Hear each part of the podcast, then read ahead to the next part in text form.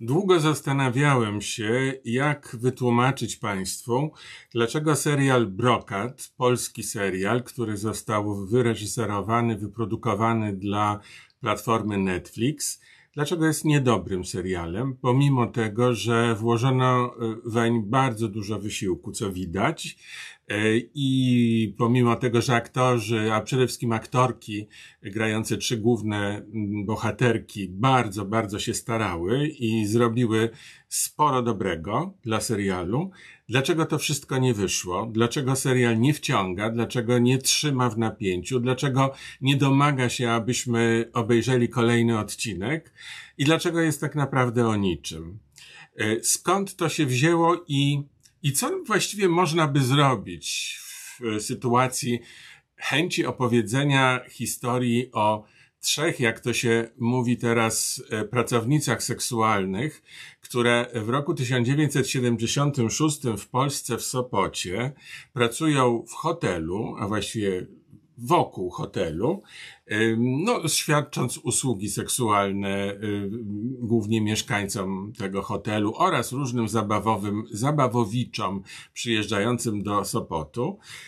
Dlaczego y, z tego stworzono y, jakiś niezwykły przekaz o wolności dla kobiet, która w latach 70., czyli w, rakach, w latach 76 rok to środkowy gierek, czyli w czasie środkowego gierka no, była do osiągnięcia dla kobiety wyłącznie za pomocą sprzedawania usług seksualnych i właśnie takie działanie było najskuteczniejszym zamanifestowaniem swojego pragnienia wolności. E, to bardzo feministyczny przekaz, e, zgodny z obecną tendencją e, no, takiego Y, y, podnoszenia z upadłych wszystkich tych y, postaci, które dawniej były niesłusznie oceniane z góry i odsuwane, a wśród nich było bardzo wiele kobiet, które były po prostu zapominane, marginalizowane, no i niesłusznie oceniane. Myślę, że takie było założenie producentki i Zastanawiałem się, jak Państwu to wytłumaczyć i wreszcie znalazłem, zajęło mi to kilka dni, e, żeby znaleźć właściwy klucz do tej historii, do tej opowieści i mam wrażenie, że znalazłem. Niektórzy z Państwa powiedzą, że to żaden klucz, tylko wytrych. Inni powiedzą, że klucz leżał na biurku na stole i każdy głupi go widział od razu, więc dlaczego mi to zajęło tyle czasu? Tak czasem bywa, że trzeba wpaść, e, czasem może nawet przypadkowo, na takie dobre wytłumaczenie. Otóż tym kluczem jest inny serial, prezentowany na platformie streamingowej również, ale konkurencyjnej HBO Max. Nazywa się Biały Lotos. E, znamy już ten serial i ja go y, recenzowałem tutaj na YouTubie, ale recenzowałem pierwszy sezon. A jesienią tego roku wszedł drugi sezon. Z drugimi sezonami jest tak, że, y, że najczęściej zawodzą, że nie są już takie dobre jak ten pierwszy, że widać, że są ciągnięte na siłę, y, że jest to próba odcięcia kuponów, czy też raczej zarobienia dodatkowych pieniędzy na pomyśle, który wypalił. W tym wypadku jest inaczej, bo drugi sezon jest przynajmniej tak samo dobry jak pierwszy. Co więcej, można go oglądać oddzielnie, to znaczy Pierwszy sezon jest zamkniętą całością i drugi sezon jest zamkniętą całością. Rozgrywa się w innym miejscu, w innym hotelu z sieci Biały Lotos. E, pierwszy gdzieś daleko na wyspie tropikalnej. Teraz jesteśmy w Europie, na Sycylii.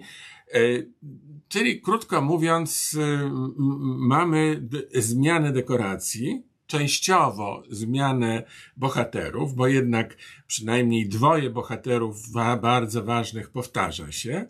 Mm, no, ale można ten drugi e, e, sezon oglądać nie znając pierwszego z pełną satysfakcją. I też opowiada historię pewnego hotelu, do którego przyjeżdżają e, turyści, zamożni, bo to elegancki hotel.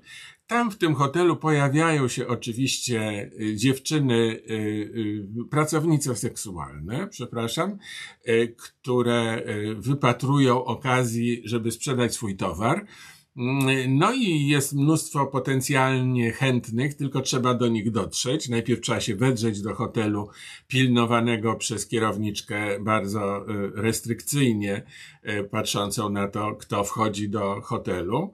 Y, więc trzeba ją no, albo oszukać, albo, albo uśpić jej czujność, albo zjednać sobie. No to są różne metody na to i będziemy je oglądali. W każdym razie pracownicy seksualne muszą się dostać do hotelu. E, no i w hotelu już potem wykonać swój, e, wykonywać swój zawód, a nawet wykonywać swój plan.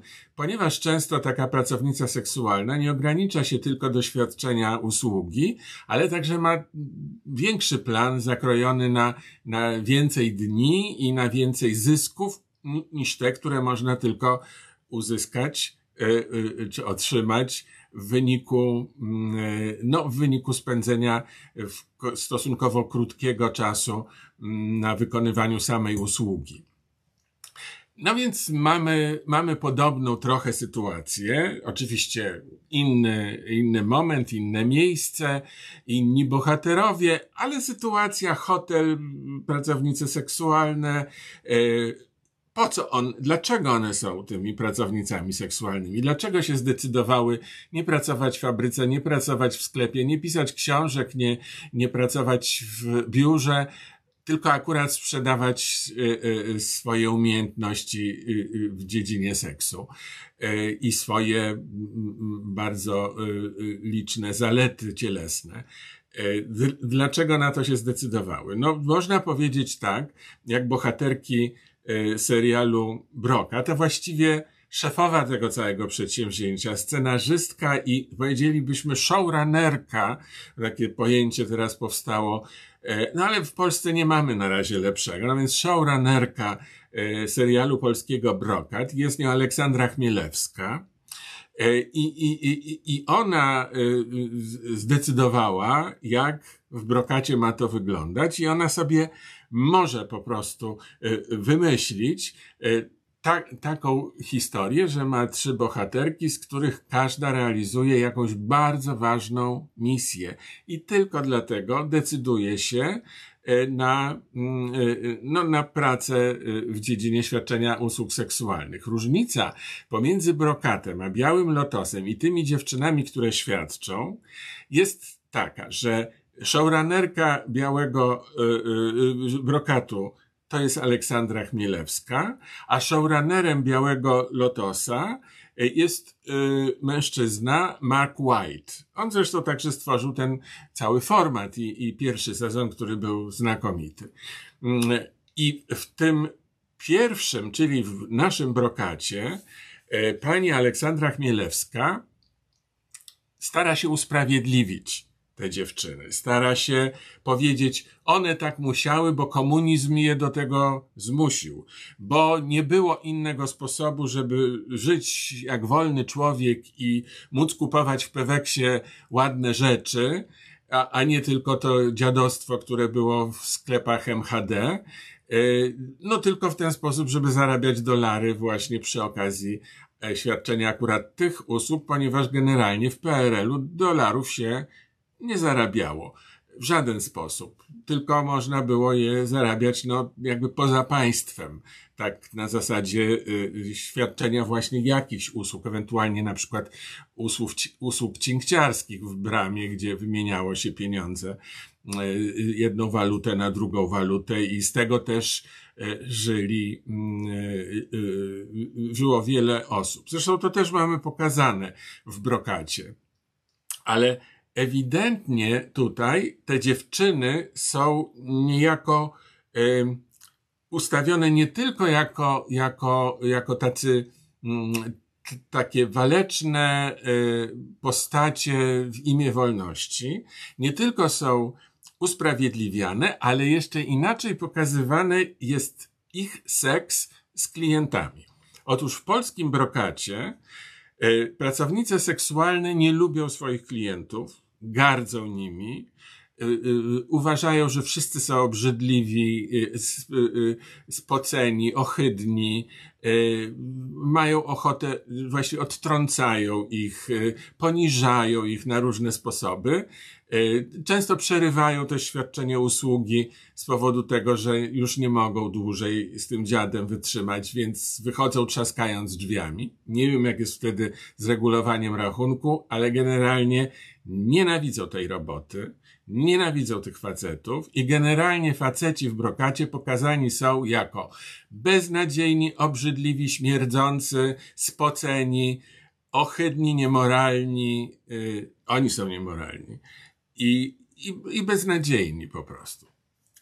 Czują Państwo oczywiście to, że ja jestem mężczyzną i że mi się serce kraje oraz mózg lasuje, jak widzę coś takiego. I zaczynam się zaraz interesować, a kto to zrobił ten serial? A dlaczego to jest tak zrobione? No więc już powiedziałem, że pani Aleksandra Chmielewska, ona się obstawiła całą rzeszą mm, wspomagających ją scenarzystów, Niedobrze.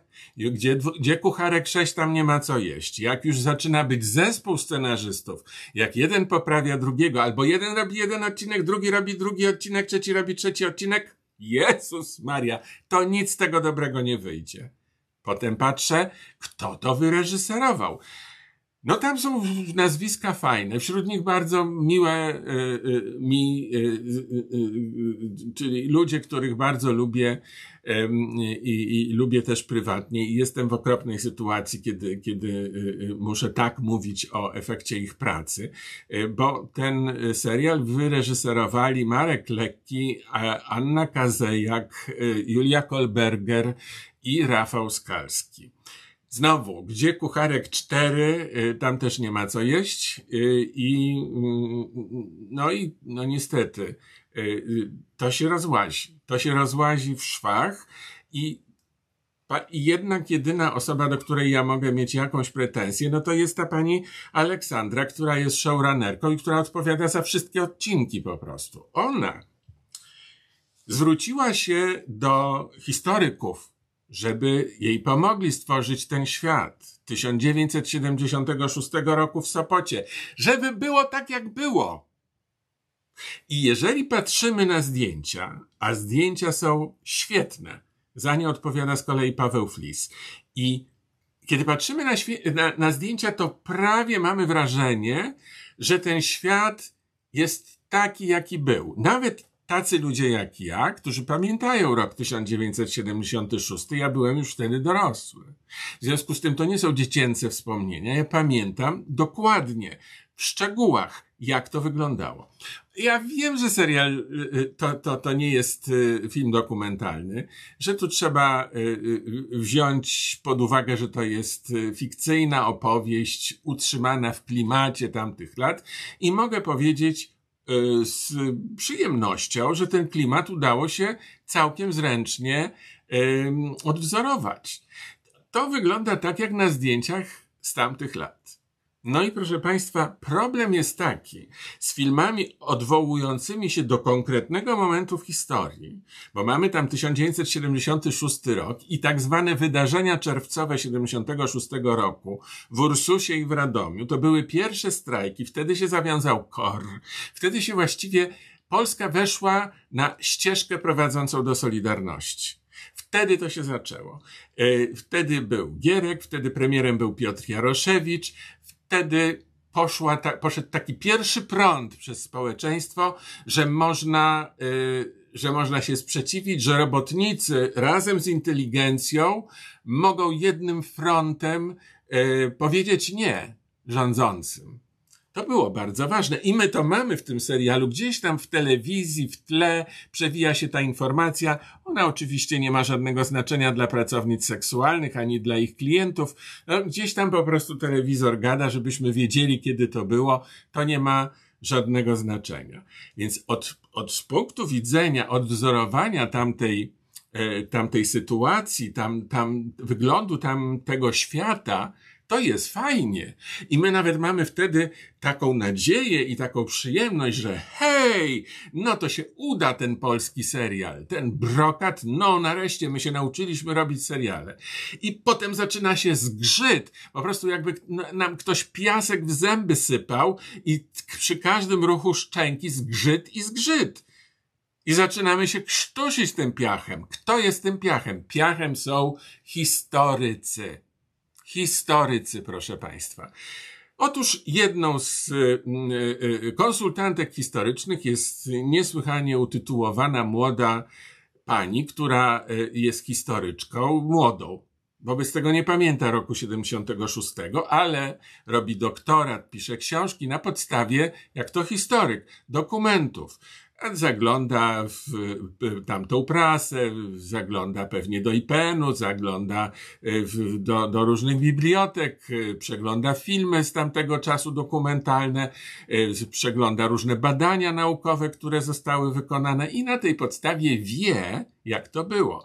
I ona podpowiada pani Aleksandrze Chmielewskiej, że no, trzeba o tych pracownicach seksualnych, który, o których wszystko wie, ale jednak mówić o nich pracownice seksualne, bo dzisiaj tak ustaliliśmy, że należy je nazywać, co oczywiście w kontekście 76 roku jest absolutnym anachronizmem. Jeżeli my traktujemy tamte dziewczyny przez pryzmat dzisiejszej poprawności e, politycznej, poprawności e, estetycznej, poprawności socjologicznej, Y, takiej poprawności feministycznej. I jeżeli zaczynamy z dzisiejszego punktu widzenia oceniać, ale przede wszystkim pokazywać tam ten świat, i pokazywać, i też z jakiegoś, z jakimś takim publicystycznym szwungiem zaczynamy opowiadać, że dziewczyny, które sprzedają swoje wdzięki w hotelu, to są bojownicy o wol, bojowniczki o wolność e, w PRL-u, no to ktoś tu zwariował. Ktoś tu zwariował po prostu. I to jest opowiadane nam y, jako pewien rodzaj takiego miszmaszu, takiego miksu y, właściwie sensacyjnej historii z rozrywkowej z historią prawdziwą. To jest, proszę Państwa, tak, z historykami młodymi, z ludźmi, którzy mają dzisiaj po 20 parę lat, 30 parę lat i opowiadają nam historię tego, co było w 76 roku, e, to jest trochę tak, jak, jakby oni pisali na przykład o jedzeniu, o smakach różnych potraw na podstawie analizowania książek kucharskich i tego, jakie tam są spisy artykułów potrzebnych do wyprodukowania potraw, y, jaka jest procedura y, y, i kolejność czynności przy takim, przy pracy nad takim daniem, a na końcu oglądając zdjęcie takiej potrawy już gotowej. I na tej podstawie wyciąga się wnioski, które potrawy są najlepsze i jak smakują. Jednego, jednego tylko elementu brakuje. Smaku. Smaku. Ktoś, kto uczy się o jedzeniu na podstawie książek kucharskich, nigdy tak naprawdę nie zrozumie i nie poczuje tego, czym jest ta potrawa. No na tym to polega. Ale potem wyniki tych badań historycznych na temat y, y, y, dań różnych kuchni Y, co zostało wypreparowane, opracowane na podstawie książek kucharskich wtedy tam wydanych. Potem publikuje się takie wyniki badań jako prawdę historyczną o tamtym czasie, czy o tamtej kuchni. Y, I te wyniki obsypuje się brokatem tytułów naukowych. Doktor habilitowany, docent, profesor, którzy się wypowiadają na ten temat, a jak jest taki brokat tytułów naukowych, to nie tylko to lśni pięknie, ale wydaje się też drogie i ważne. I takie warte zainteresowania. I to jest ten, to nieszczęście serialu Brokat, że tam były wszystko, tam wszystko było. Wszystko było fajne i były środki na to, tylko jednego zabrakło, dobrego scenariusza, bo pani Aleksandra Chmielewska nie jest dobrą scenarzystką i nie potrafi od zatrudnionych przez siebie scenarzystów wyegzekwować dobrego scenariusza jako showrunnerka. po prostu tego zupełnie nie czuje. Nie ma talentu literackiego, żeby wymyślić historię. Jakąś historię, która by nas wciągnęła, która by powiedziała, ojej, jeszcze zostanę, jeszcze na chwilę zostanę przy telewizorze, chociaż pół następnego odcinka obejrzę, bo nie mogę się doczekać. A ja tu myślę, o matko, jeszcze 15 minut do końca tego odcinka, a zostały cztery. No to tak się w seriali nie robi. Natomiast mamy tu bardzo dużo informacji na temat, co jest słuszne, co niesłuszne, jak to w historii było, co było w 76 roku, e, takiej, takiej przemądrzałości publicystycznej, podpierającej się tym brokatem tytułów naukowych historyków, bez braku smaku. Znaczy z brakiem smaku, bez smaku. Nie ma smaku w brokacie.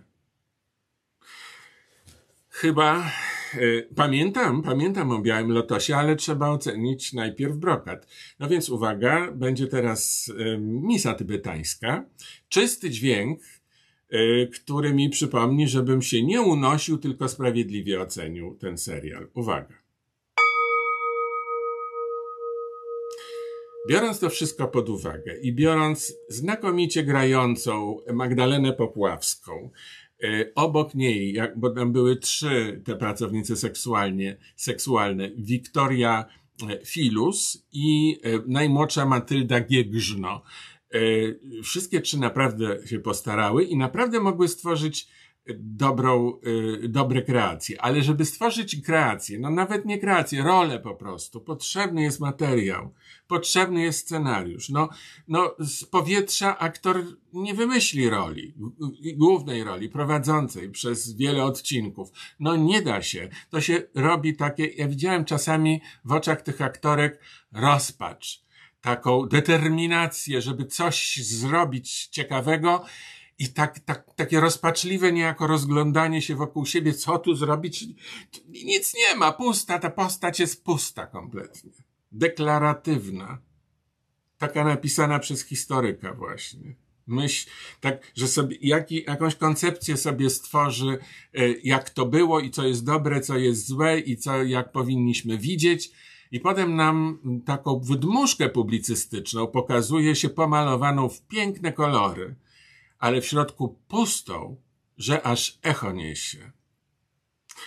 No, to jeśli idzie mały, o mały gorzek, o strefę premium, to jeszcze chwileczkę muszą Państwo poczekać, bo teraz się tylko napiję, to będzie jeden łyk z miedzianego kubka. I od razu biegnę do tego drugiego serialu. A zaraz, czy ja powiedziałem i jak oceniam ten serial? Jak mi się wydaje, że się rozpędziłem i nie powiedziałem. To teraz mówię 4 na 10. 4 na 10 to jest moja ocena brokatu. A teraz będzie drugi serial. Serial pod tytułem Biały Lotos, sezon drugi, do obejrzenia y, na platformie HBO Max, to już mówiłem. Y, Max White, Mark White, przepraszam, zrealizował ten serial, właściwie jest jego showrunnerem, ale też scenarzystą. Zwracam Państwu uwagę, że tam mieliśmy czworo reżyserów, yy, zdaje się sześcioro scenarzystów i niewiele z tego wyszło, a tutaj mamy już drugi sezon robiony przez jednego człowieka. Sam napisał scenariusz, sam wyreżyserował, sam jest, yy, sam jest showrunnerem. Yy, po prostu ma talent. Chyba to na tym polega. No i mamy tutaj znowu, tak jak w pierwszym sezonie, hotel z sieci, sieć, bo to już jest sieć hoteli Biały Lotos. To są hotele bardzo luksusowe, takie pięciogwiazdkowe, ze wszystkimi przysiadami i, i wachlarzami, jak, jakie tylko można załatwić w hotelu, żeby zrobić przyjemność gościom i wyciągnąć od nich jeszcze więcej gotówki.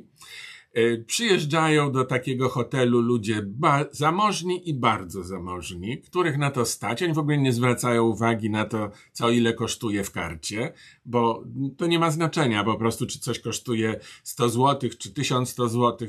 To nie ma dla, niego, dla nich znaczenia. Ważne, żeby było miło. Przyjeżdżają na tydzień. Tygodnio, na tydzień się wyrwali ze swoich y, zajęć, które y, no, głównie związane są z zarabianiem pieniędzy mm, w różny sposób. Mówiąc w różny sposób, nie mam na myśli nielegalnego sposobu, ale no, ktoś tam jest programistą komputerowym i twórcą przedsiębiorstwa software'owego, które udało się sprzedać za wielkie pieniądze i stał się milionerem. Ktoś inny ma rodzinny interes i pieniądze odziedziczone. No, to są tacy ludzie. No i mają tylko tydzień. Jest Sycylia, gorąco. Amerykanie najczęściej, więc dla nich w ogóle Włochy, Europa to jest egzotyczny teren i są tym bardzo podekscytowani. Chcieliby zobaczyć i Etnę, y, czyli wulkan, i chcieliby zobaczyć, gdzie mafia y, y, mieszka na Sycylii i popełniają różne niestosowności, ale przede wszystkim są zainteresowani sobą, ponieważ jak przychodzi co do czego, to kiedy przyjeżdża się na wakacje i one trwają gdzieś tylko tydzień, to po pierwszym dniu takiego zachwytu, ale pięknie, ale cudnie, jakie to pyszne, zaczynają wypływać różne e, jady, które były dotychczas spychane do podświadomości i zatruwały życie nam, zatruwały taki spokój, zatruwały poczucie bezpieczeństwa. I w momencie, kiedy jesteśmy w sytuacji odpuszczenia stresu, odpuszczenia wszelkich nacisków, to ze środka Y, z podświadomości cudownie wypływają te wszystkie trucizny na wierzch i zaczynają buszować na powierzchni. Na powierzchni y, naszej y, psychiki, naszego samopoczucia i zaczynają zatruwać ten odpoczynek. Każdy ma inne swoje trucizny, wyhodowane przez siebie, wyhodowane przez czas, wyhodowane przez sytuację. No i te trucizny potem się mieszają bo, no bo y, goście poznają się, no może zaprzyjaźniają się, to za wiele powiedziane, ale, ale spędzają trochę czasu wspólnie. No i kiedy te trucizny się zaczynają krzyżować, to z tego musi wreszcie powstać jakaś mieszanka wybuchowa. No i oczywiście powstaje, tak skonstruowany jest ten serial. Tam mamy też dwie dziewczyny, pracownice seksualne, włoskie, e, które, o, o których od początku wiemy, że są nimi. Jedna jest bardzo zawodowa w tej kwestii, druga jest amatorką przyuczaną przez tą pierwszą, ale utalentowaną, jak się wkrótce okazuje. No i one mają e, oczywiście różne swoje e, plany. Jedna ma plan bardzo, jak się okazuje, konkretny, druga plan ma bardziej artystyczny, e, no ale jedna i druga na swój sposób będzie dążyła do tego, żeby, e, żeby ten plan zrealizować. One opowiadają swoją historię, swoje historie i te historie wcale nie są takie miłe, tam są różne zakręty i tam są różne problemy nie do końca wiemy, które z tych problemów, o których mówią, są prawdziwe, a które są wymyślone na potrzeby wzbudzenia y, sympatii albo wzbudzenia litości, albo no, w każdym razie na potrzeby, jakieś potrzeby. Tego też nie wiemy. Jak się spotyka ludzi e, wielu naraz, ma się tylko 7 dni, to naprawdę to nie jest wystarczający czas, żeby o wszystkich dokładnie dowiedzieć się wszystkiego i żeby się zorientować, kto mówi prawdę, a kto mówi nieprawdę. Ważne jest, żeby w tym się w ogóle jakoś móc poruszać. No i właśnie o tym jest Biały Lotos, to znaczy tu mamy scenariusz, prawdziwy scenariusz, gdzie te losy się krzyżują, gdzie każda z tych postaci ma swój zakręt, który odkrywa jakby in, z innej strony nagle ją oświetla i okazuje się, że że jest inna intencja albo jest trochę inna cecha charakteru niż my myśleliśmy tej osoby. W związku z tym każdy następny odcinek jest tajemnicą, jest pewnym takim, my trochę jak Sherlock Holmes poruszamy się w tej zagadce, który, widzimy, że gęstnieje ta, ta, ta zupa trucizn, które wypłynęły na powierzchnię, że, że zaraz coś wybuchnie, że to się robi coraz bardziej dziwne, coraz bardziej niepokojące, coraz bardziej wskazujące na to, że że jest jeszcze coś pod spodem, czego my nie widzimy, ale już na, jesteśmy pewni, że tam coś jest i że nic dobrego z tego nie wyniknie.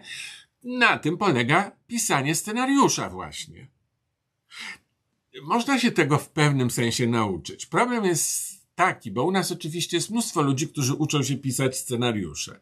Problem jest taki, że człowiek utalentowany może y, y, y, dzięki nauce jakichś zasad polepszyć to, co robi, mając talent. Otóż człowiek nieutalentowany nie nauczy się pisać dobrego scenariusza tylko na podstawie zasad, podręczników, kursów i różnego rodzaju mm, szkoleń, których jest cała moc. Y, w Polsce również. Otóż niestety na początku jest podstawowa rzecz. Ma talent czy nie ma talentu? I to nie byle jaki talent, to musi być duży talent. Prawdziwy talent. Nie taki podrabiany, że ach, fajnie by było być pisarzem, ach, super by było być scenarzystą. Całe życie marzyłem, żeby pisać scenariusze, czy marzyłam, żeby pisać scenariusze seriali czy filmów. No, świetnie. Ale żeby to robić, trzeba mieć talent. Nie tylko szkolenia, nie tylko kursy, nie tylko chodzenie do jednej szkoły, drugiej szkoły, trzeciej szkoły, czwartej szkoły, nic z tego nie będzie, jak nie ma talentu. No i właśnie potem się w, pisze takie scenariusze w sześć osób i nic z tego nie wynika. Zamiast usiąść, obejrzeć ten serial Biały Lotos i zobaczyć, jak należy pisać historię, jak należy komplikować, jak należy różnicować postacie, jak należy zagęszczać akcje, jak budować dramaturgię odcinka.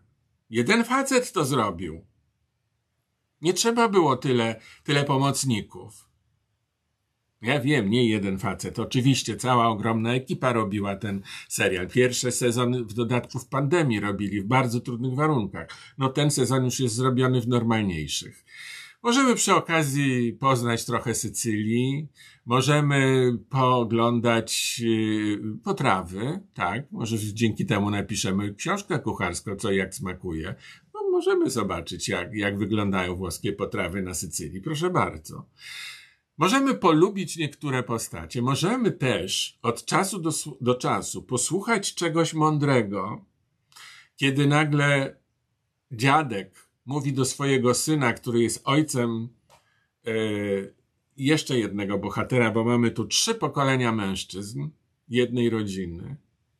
I jak bardzo powoli, bez złości i bez goryczy analizują a raczej uświadamiają sobie, jak bardzo przechodzi z pokolenia na pokolenie pewna niedobra cecha charakteru, pewna nieumiejętność, nieumiejętność przeżywania miłości, nieumiejętność dbania o miłość, egoizm, który przechodzi z pokolenia na pokolenie przez odwzorowanie obserwowanego przez siebie ojca. Ale ciekawe jest, że postacie sobie to uświadamiają, że oni zaczynają to rozumieć. I nagle my, oglądając taki sensacyjny po prostu serialik, mamy chwilę na refleksję. Nie głupią refleksję. A kiedy jest mowa o miłości i o tym, jak należy właściwie podejść do życia w małżeństwie, w którym się jest, nie wiem, 7 lat i w którym się kończy seks? Czy to jest, a jest się młodym człowiekiem jeszcze? Co można zrobić? Czy to jest właśnie powód, żeby się na przykład rozwieść i szukać innego partnera? Czy są jakieś w ogóle inne sposoby na to, co można zrobić i po czym można poznać, dlaczego to się stało? I czy to się da odkręcić? To, znowu to jest temat na cały inny jeszcze film czy serial. I zrobione to jest w taki sposób, że to nie jest pobieżne, to nie jest po łebkach, to nie jest skorupka sama, tak jak w przypadku brokatu, gdzie my mieliśmy wydmuszkę po prostu. To znaczy takie jajko, które wygląda jak jajko Faberże, y, pięknie dekorowane ładnymi zdjęciami, a w środku pustka taka, że, że, że wieje wiatr w tej wydmuszce.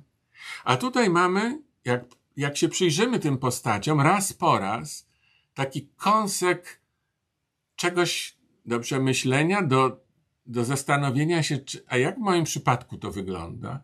Albo co bym zrobił, co bym zrobiła, gdyby mnie to dotyczyło? nagle się okazuje, że oglądanie tego serialu jest jak jedzenie takiej solidnej potrawy, takiej zawiesistej, która, która naprawdę jest w stanie zaspokoić głód, a nie tylko zgasić go na pięć minut. Dlatego lubię ten serial, Biały Lotos. Wydaje mi się, że drugi sezon jest pod pewnymi względami nawet ciekawszy niż pierwszy.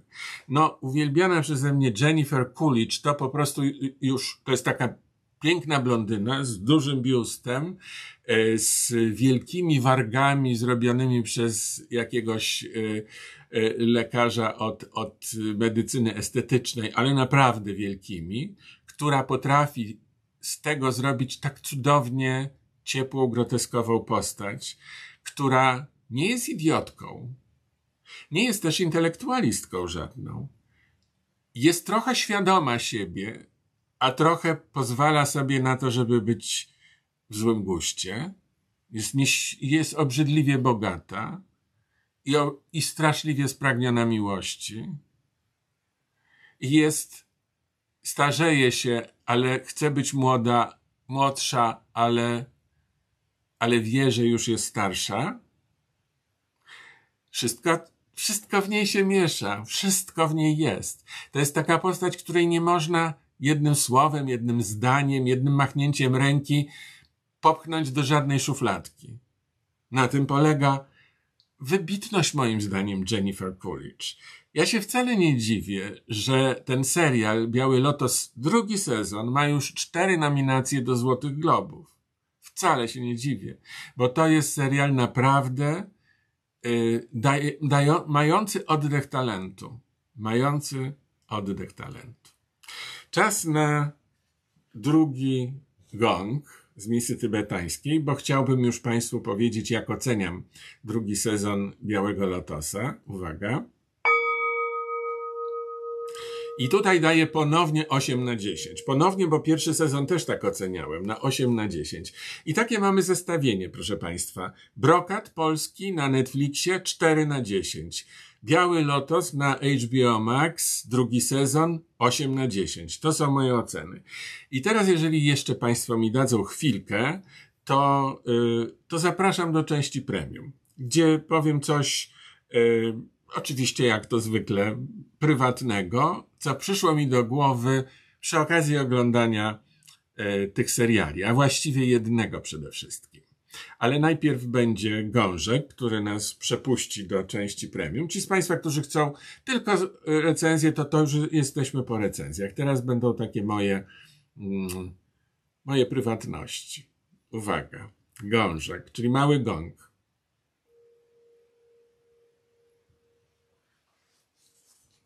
Potem będą trzy łyki wody z miedzianego kubka u mnie. Jeśli Państwo mają cokolwiek innego do picia, to proszę razem napijmy się trzy łyki. Dobra, nie wchodzę w to, co Państwo mają. Może być woda, może być ognista woda, może być Coca-Cola, wszystko może być, ale trzy razy.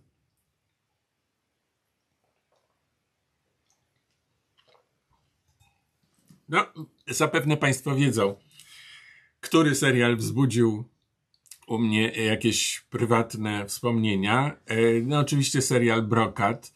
Już się E, przyz, e, przyznałem wcześniej, że w czerwcu 76 roku, kiedy miały miejsce te pokazane w serialu wydarzenia w Radomiu i w Ursusie, nie tylko pokazane, one są ograne. Tam jest, coś się dzieje, to znaczy co, coś z tych wydarzeń nagle wydarza się w życiu bohaterów i bohaterek serialu. Więc to, to jest całkiem ważna okoliczność. Otóż ja, proszę Państwa, w czerwcu 76 roku bardzo dokładnie śledziłem e, to, co się działo y, i bardzo byłem tam zaniepokojony, ale też miałem nadzieję, bo wtedy się miało nadzieję, że jak coś się zaczyna, zaczynało dziać, jakieś wydarzenia, jakie warchoły się mówiło, że to warcholstwo w zakładach pracy, Y, to jak warcholstwo się sprzeciwiało rządowi, sprzeciwiało się władzy, to myśmy w duszy zaczynali mieć nadzieję, że a może to jest możliwe, a może tę władzę da się obalić. Ja zresztą nie mogę się ciągle pozbyć tego, tego uczucia właśnie takiego, kiedy coś się zaczyna dziać, że a może tym razem się uda. I ja wtedy zdawałem na studia. Właśnie obroniłem maturę, zdałem maturę, ale też i obroniłem, bo w tych moich y, czasach, właśnie w tym roku eksperymentalnie pozwolono egzamin ustny z języka polskiego zamienić na obronę pracy maturalnej. I pisało się tę pracę tak jak pracę magisterską. Ja pisałem o teatrze Wyspiańskiego y, i broniło się. Normalnie składana była praca, była komisja, potem była obrona tej pracy. E, I bardzo to było podniecające. Ja się oczywiście zgodziłem na ten eksperyment, bo to można było sobie wybrać taki wariant egzaminu, e, bo, bo już nie mogłem się doczekać, kiedy będę studiował. No więc takie zrobienie pracy maturalnej, jakbym już pisał pracę magisterską, to było spełnienie mojego marzenia. Napisałem tę e, pracę, obroniłem, nawet dostałem Nagrodę Życia Warszawy potem za najlepszą pracę maturalną roku razem z Agatą Tuszyńską notabene, z którą się potem spotkaliśmy na pierwszym roku Wydziału Wiedzy o Teatrze w Akademii Teatralnej, wówczas nazywającej się Państwowa Wyższa Szkoła Teatralna imienia Aleksandra Zelwerowicza. E, no i właśnie, jak zdawałem do szkoły teatralnej imienia Aleksandra Zelwerowicza na Wydział Wiedzy o Teatrze, to tam było wiele egzaminów. Był czterostopniowy sposób dostania się na tą uczelnię. Najpierw trzeba było złożyć mm, taką pracę wstępną, kwalifikującą w ogóle do, do zdawania egzaminu. To, to była recenzja. To była recenzja wybranego spektaklu, na podstawie której oceniano, czy ktoś taki w ogóle ma wystarczającą y, spostrzegawczość, wiedzę i wyobraźnię, żeby umieć opisywać spektakle. Na tej podstawie kwalifikowano do egzaminu. Potem był egzamin pisemny, taki rodzaj testu z wiedzy e, o teatrze. I jak się to przeszło, to był egzamin trzeci, komisyjny, e, z kilku różnych przedmiotów. Z historii, e, z historii teatru, z historii literatury i z, his- i z wiedzy o świecie współczesnym. I byli profesorowie, przedstawiciele tych różnych dziedzin. Był dziekan, którym był wówczas Jerzy Kenik. E, no i wchodziliśmy do, e, do sali. E, z różnych dziedzin pytali nas członkowie komisji. Jeśli się to przeszło, to był czwarty egzamin z języka i dopiero po przejściu tego egzaminu można było, jeśli się cztery razy było na liście tych, którzy zdali, no to można było się dostać na wiedzę o teatrze. Naprawdę nie było łatwo, bo, bo y, liczba chętnych wielokrotnie przewyższała liczbę miejsc y, na tym wydziale. No ale, tak jak powiedziałem, ten główny egzamin, y, który, przypominam, zdawaliśmy w czerwcu 76 roku. Dlaczego w czerwcu, a nie w lipcu, skoro wszystkie egzaminy wstępne e, na wyższe uczelnie odbywają się w lipcu? Otóż do szkół teatralnych e, odbywają się wcześniej, w czerwcu. Dlaczego? No bo tu jest ten element talentu brany pod uwagę i jeśli okazuje się, że ten talent jest niewystarczający, nie chodzi o wiedzę, o talent, e, no to chodzi o to, że to nie jest wina takiego kogoś, że się źle przygotował do egzaminu. No, no nie ma po prostu kwalifikacji do tego, żeby tutaj studiował, ale żeby mu dać szansę w związku z tym zdawać na inne studia. I dlatego te egzaminy do szkół y, artystycznych wszystkich, i muzycznej, i, i, i do sztuk pięknych, i, i teatralnych, i filmowych są wcześniej. Y, no więc to był czerwiec sam środek właśnie tych wydarzeń y, w Ursusie i w Radomiu. Jesteśmy y, na korytarzu przed salą, w, którym, w której trwa egzamin komisyjny z pięciu przedmiotów.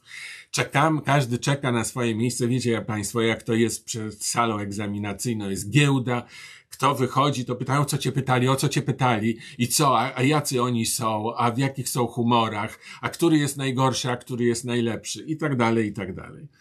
Wiadomo było, że z historii pyta Stefan Meller, późniejszy minister spraw zagranicznych, wybitny historyk specjalizujący się zresztą w y, y, historii Francji, w historii Wielkiej Rewolucji Francuskiej. Potem był też ambasadorem polskim we Francji, ale wtedy jeszcze był historykiem, tylko y, akademickim. No i on nas potem uczył historii, ale na egzaminie pytał z różnych rzeczy, no powiedziałbym tak niekonwencjonalnie. Potrafił zahaczyć każdego jakoś trochę inaczej, więc strach był straszny wśród kandydatów. I wszyscy się tej historii bali najbardziej. Ponieważ ja y, byłem dosyć dobry z historii, bo jak Państwo już wiedzą, bo się przyznałem kiedyś, moją nauczycielką historii była sławna Anna Radziwiłł, E, późniejsza znowu minister e, e, szkolnictwa wyższego, czy, czy oświaty, zawsze to mylę, nie wiem.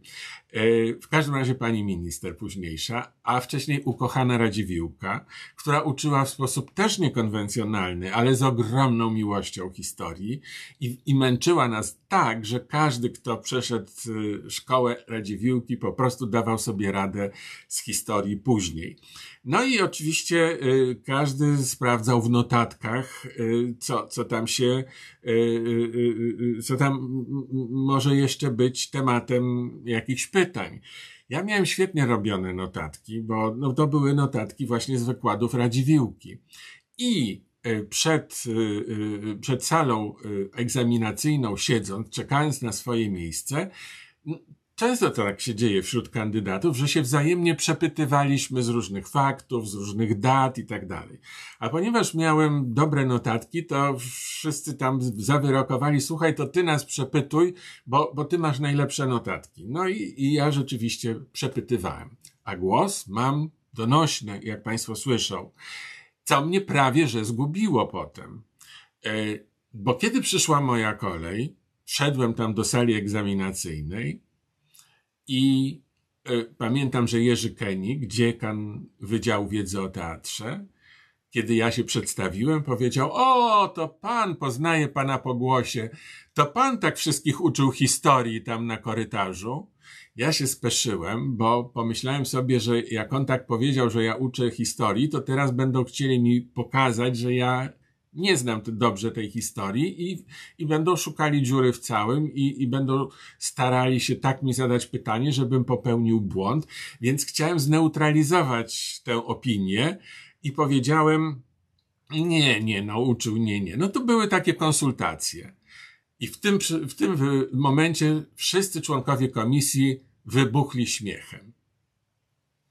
I teraz mam pytanie do Państwa wszystkich, którzy pamiętają rok 76 i historyków, szczególnie tych koło 30 e, z tytułami.